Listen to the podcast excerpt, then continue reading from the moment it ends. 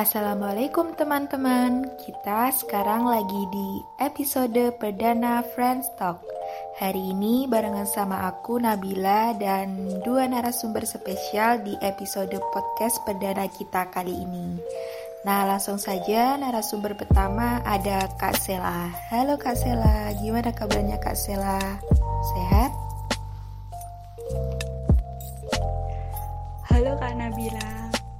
Alhamdulillah sehat nih. Alhamdulillah. Akhir-akhir ini sibuk apa selama pandemi Kak? Lebih tepatnya menyibukkan diri sih.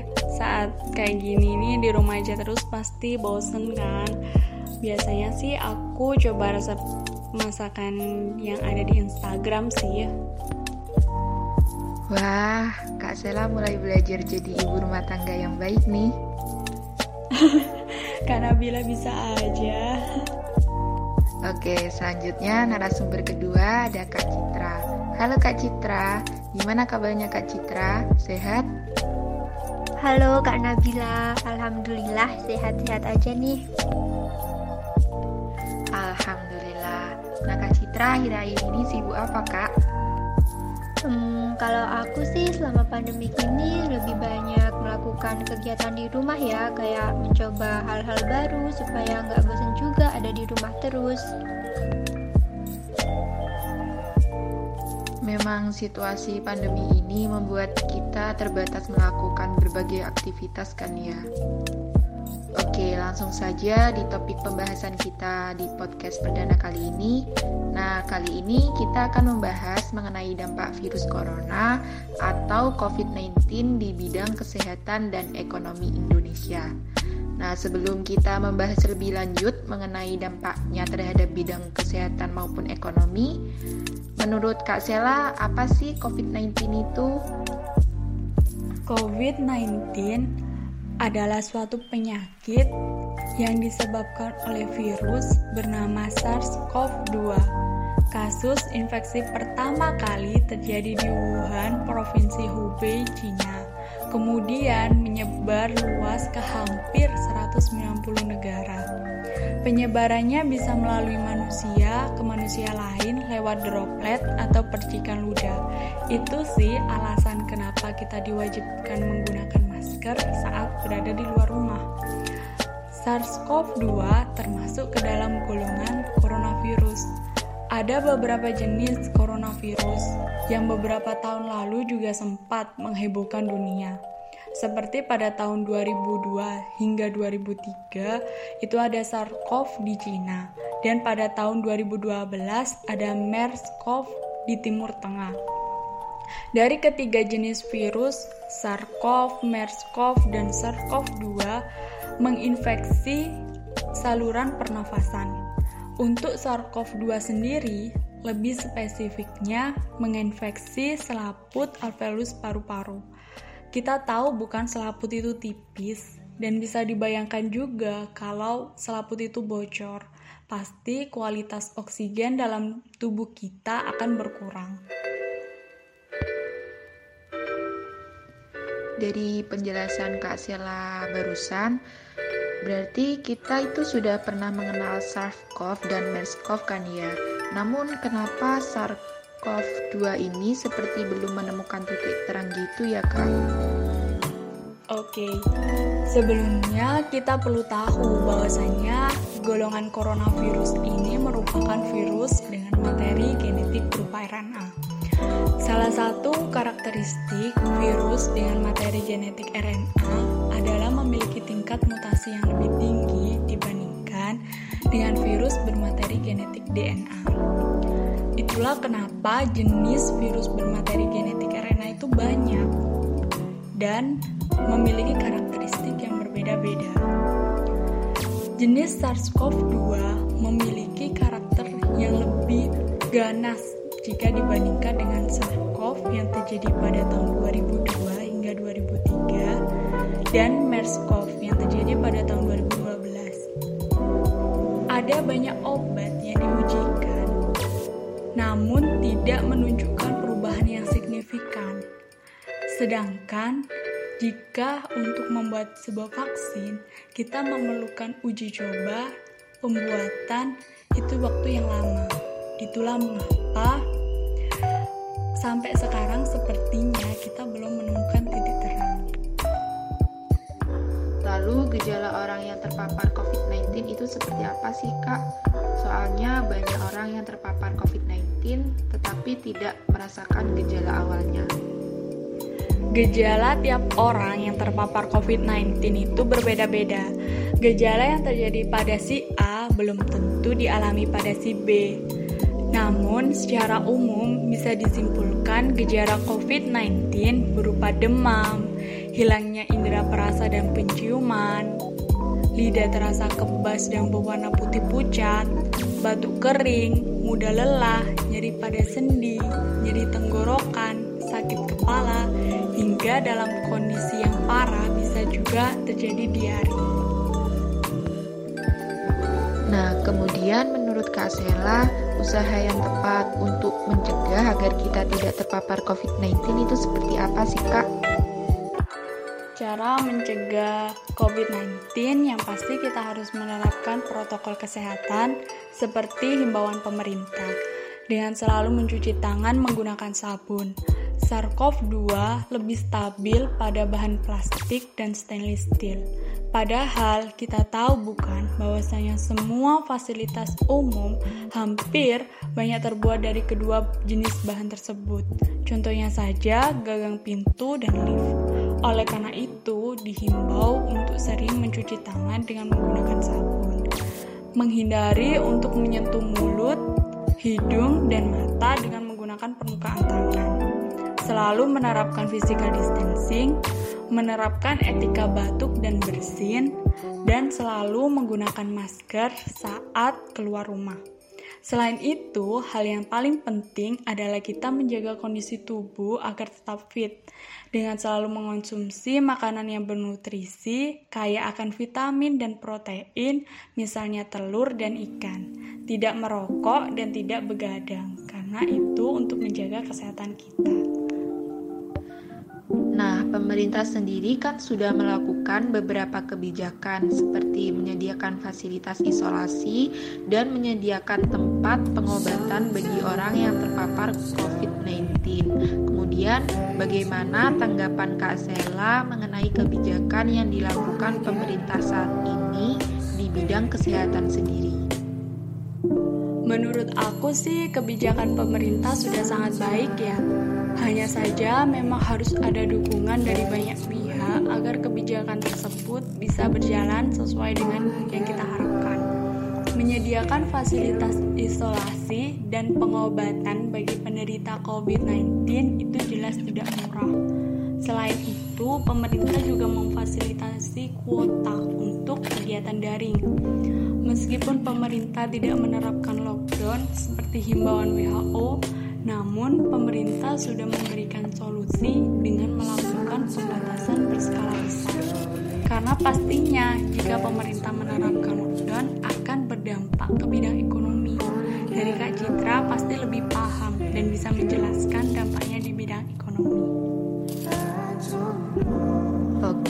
saja kita tanyakan ke Kak Citra, bagaimana sih Kak dampak COVID-19 pada bidang ekonomi menurut pandangan Kak Citra sendiri?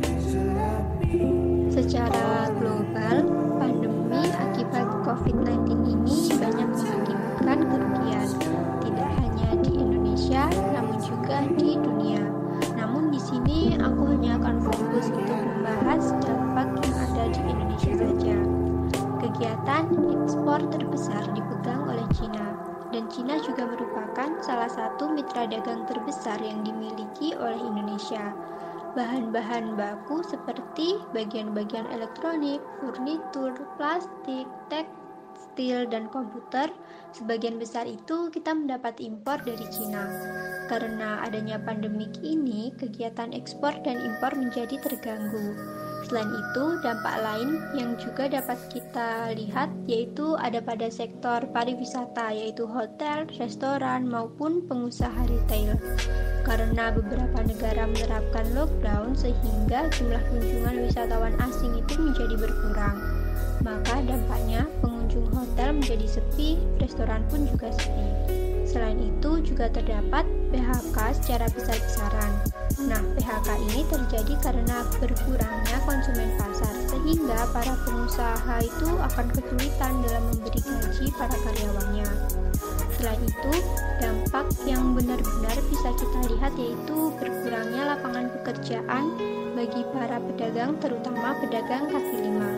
Kalau sebelum adanya pandemi kita banyak menemui pedagang-pedagang yang berjualan di sekolah-sekolah, entah itu pedagang makanan, minuman, ataupun mainan. Namun, karena adanya pandemi ini, pemerintah telah menganjurkan untuk uh, sekolah secara daring atau online, sehingga lapangan pekerjaan bagi mereka itu berkurang ataupun bahkan hilang. Lalu, Kak, apakah terdapat instansi lainnya yang melakukan pembatasan seperti sekolah daring? Selain sekolah daring, pemerintah juga membuat keputusan untuk melaksanakan pekerjaan dari rumah atau work from home. Namun, saat sedang diberlakukannya PSBB kemarin atau pembatasan sosial berskala besar, terdapat beberapa kantor atau instansi yang diliburkan di antaranya yaitu ada peliburan sekolah, peliburan kantor, kegiatan keagamaan, kegiatan-kegiatan yang berskala besar hingga transportasi umum pun diliburkan.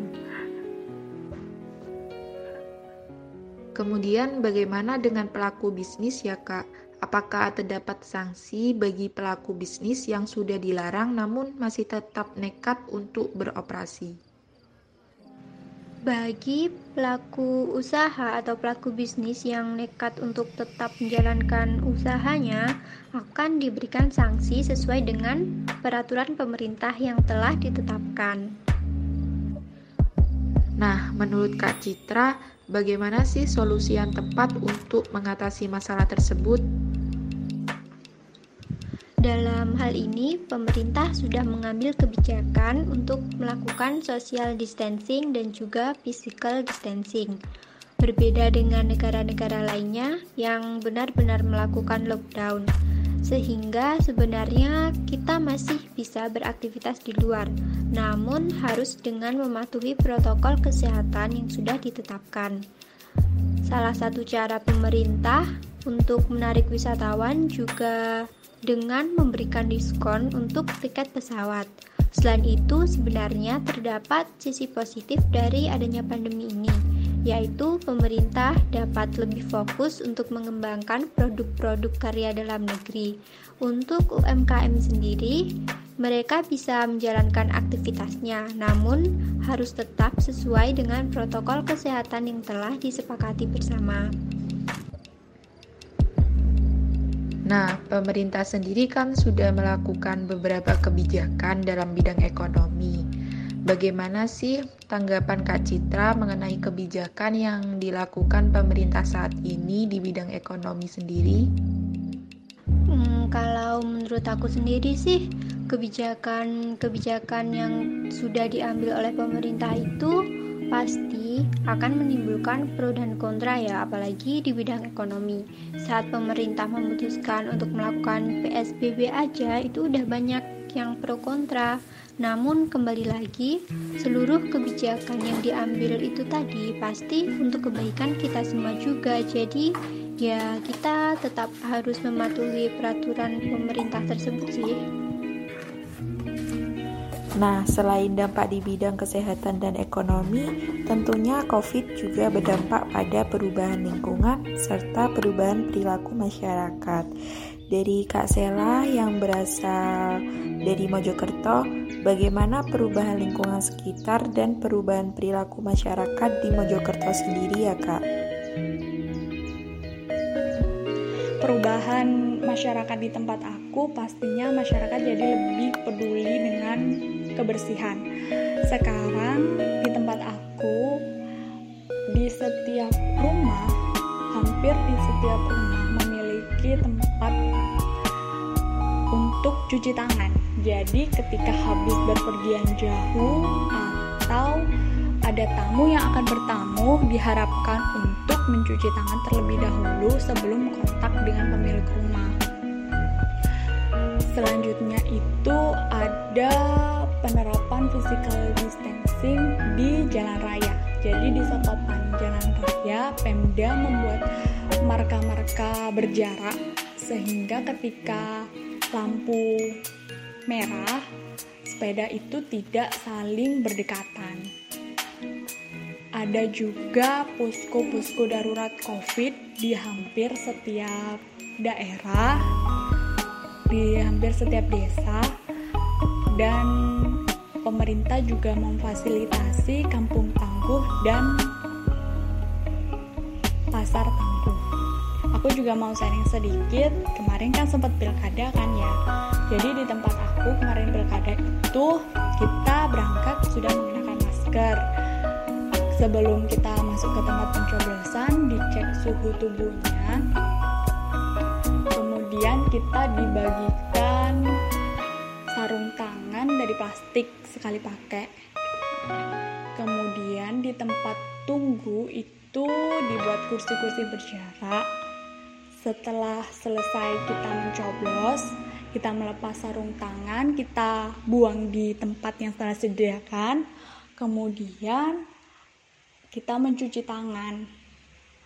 Selesai kita mencuci tangan, kita baru boleh untuk pulang. Kalau untuk ke lingkungan ya di hampir dua minggu sekali atau tiga minggu sekali itu kepala dusun di tempat aku mengadakan kerja bakti bersama-sama dengan tetap memperhatikan protokol kesehatan. Jadi lingkungan tetap bersih dan tidak was-was. Lalu dari Kak Citra yang asalnya dari Banyuwangi, bagaimana sih perubahan lingkungan sekitar dan perubahan perilaku masyarakat di Banyuwangi sendiri setelah adanya COVID-19 ini, Kak?